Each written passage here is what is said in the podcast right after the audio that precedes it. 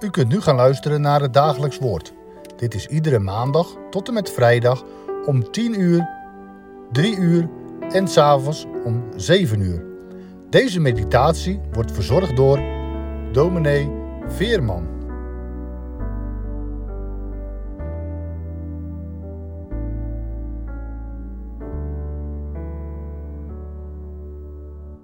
Beste luisteraars, we lezen met elkaar uit Marcus 6, vers 7 tot 13.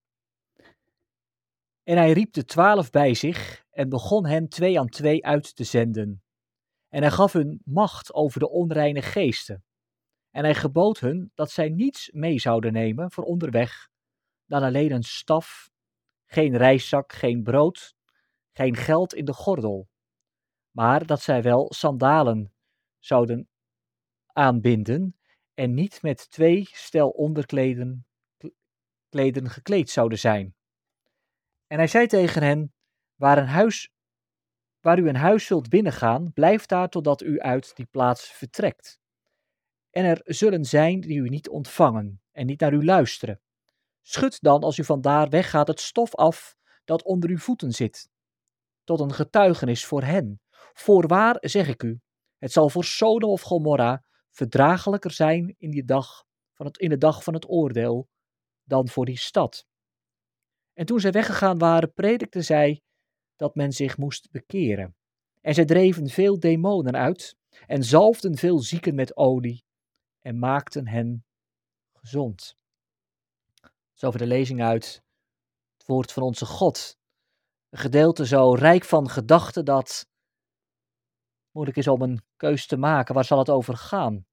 Het gaat over vertrouwen, onderweg gaan met alleen een staf in je hand, geen reiszak, geen brood, geen gordel, geen geld in de gordel.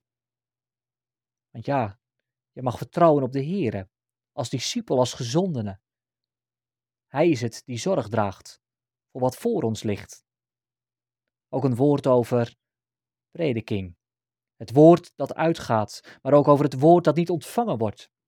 Wie niet luistert naar de boodschap van het evangelie ligt onder het oordeel. Die gehoord heeft over Christus, de zaligmaker, maar zegt nee, ik ga mijn eigen weg.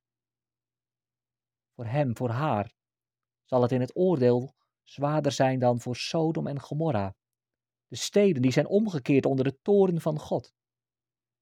Het is ook een gedeelte over ziekte en genezing gaat vandaag over demonen, boze geesten die worden uitgedreven en zieken die gezalfd worden met olie, gezond gemaakt.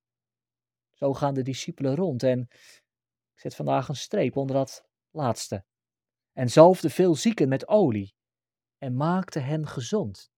Zo zendt Christus zijn discipelen uit in de wereld. Zo worden we ook gebracht bij hun zender. De zender die waar we van lezen, hij was veracht, de onwaardigste onder de mensen.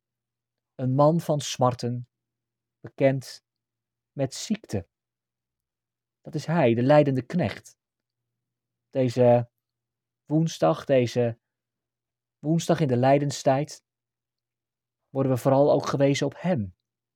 Als hij zijn discipelen uitzendt om te zalven en gezond te maken, dan kan het alleen in die naam die gekomen is om te zoeken en zalig te maken wat verloren is. Hij die de onwaardigste onder de mensen wilde worden, die zich onderdompelde in onze smarten, in onze ziekte. Want wat is er een leed op deze wereld? Wat is er een pijn? Wat is er een gebrokenheid?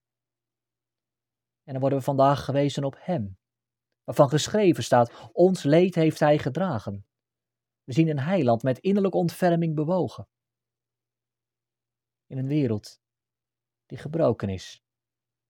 Een man van smarten, bekend met ziekte.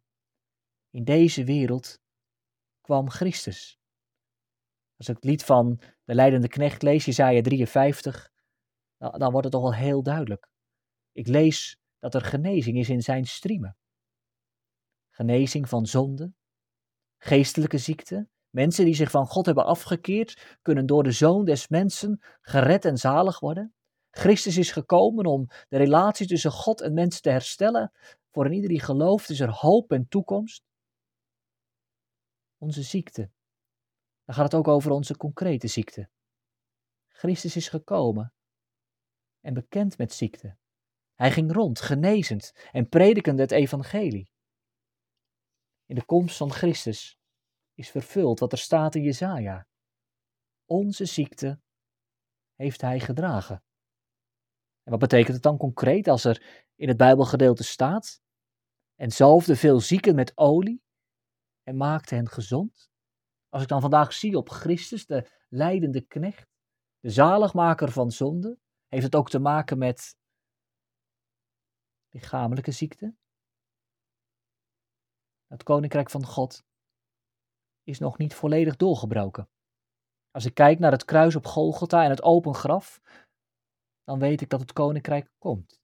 Dan weet ik dat Christus de opgestaan is en dat er in zijn striemen genezing ligt. lees ook dat de Heer als tekenen van zijn koninkrijk concreet geneest. Dat betekent ook vandaag dat als we dit gedeelte lezen en zalfde veel zieken met olie en maakte hen gezond, dat we in de nood van ziekte en pijn onze handen mogen vouwen. Heere, geef genezing voor mijn lichaam, voor mijn ziel. Ja, en dat uiterlijke teken dan van olie. Wat betekent dat? Je leest het ook op andere plaatsen in de Bijbel, zoals in Jacobus 5. Salven met olie.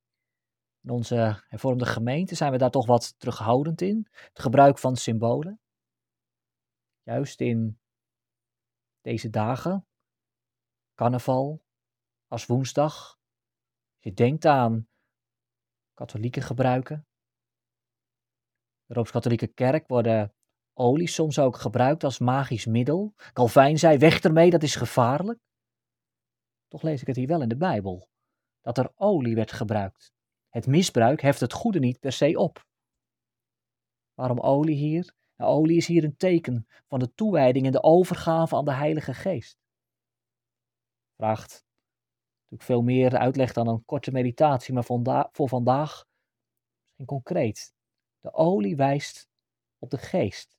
En daarmee zijn symbolen lang niet altijd verkeerd, maar soms is het ook goed om te zeggen, nee, zoals Calvijn dat in die tijd deed, dat hij het misbruik zag, dat er aan de olie als, als zichzelf waarde werd gehecht. Waar, waar gaat het om? Het gaat hier om het gelovig gebed. Het gebed waar ook Jacobus over spreekt. Dat er een God is die geneest. Dat er een God is die niet wil dat mensen lijden onder de gevolgen van de zondeval. En daarom, als ik zo de discipelen zie gaan, dan weet ik dat ik mijn handen mag vouwen aan een ziekbed. Heere, wees genadig. Dan weet ik ook dat er een God is die concreet geneest. En dat mannen, vrouwen, jongens en meisjes naar God mogen gaan met het gebed. Genees mij. Maar dan weet ik ook, als ik naar de olie kijk, dat het een gebed is gedragen door de geest. De geest die ons ook leert spellen. Uw wil geschieden. En daarmee zijn we terug bij Jesaja 53. We worden gewezen op die leidende knecht, Jezus Christus, die zijn discipelen de wereld inzendt. Predik het evangelie. Vertel het, dat er één weg is tot behoud, en dat is door het geloof in Jezus Christus. En wat een genade, als er dan als tekenen van het koninkrijk zieken worden genezen, uitziende naar die grote dag die komen zal, dat God heel de schepping weer heel zal maken, zonder ziekte, zonder pijn, zonder tranen, zonder dood, zonder depressies, zonder duisternis, maar vol van de genade van Jezus Christus. Here, laat uw koninkrijk komen. Amen. Dan zullen we ombidden. Heer in de hemel, wij danken u dat de discipelen zijn uitgezonden en vandaag ook het evangelie klinkt. Heere, bewaart u ons ervoor dat we niet luisteren zoals Sodom en Gomorra. Heere, wij bidden u voor onze zieken. Wij bidden u om genezing.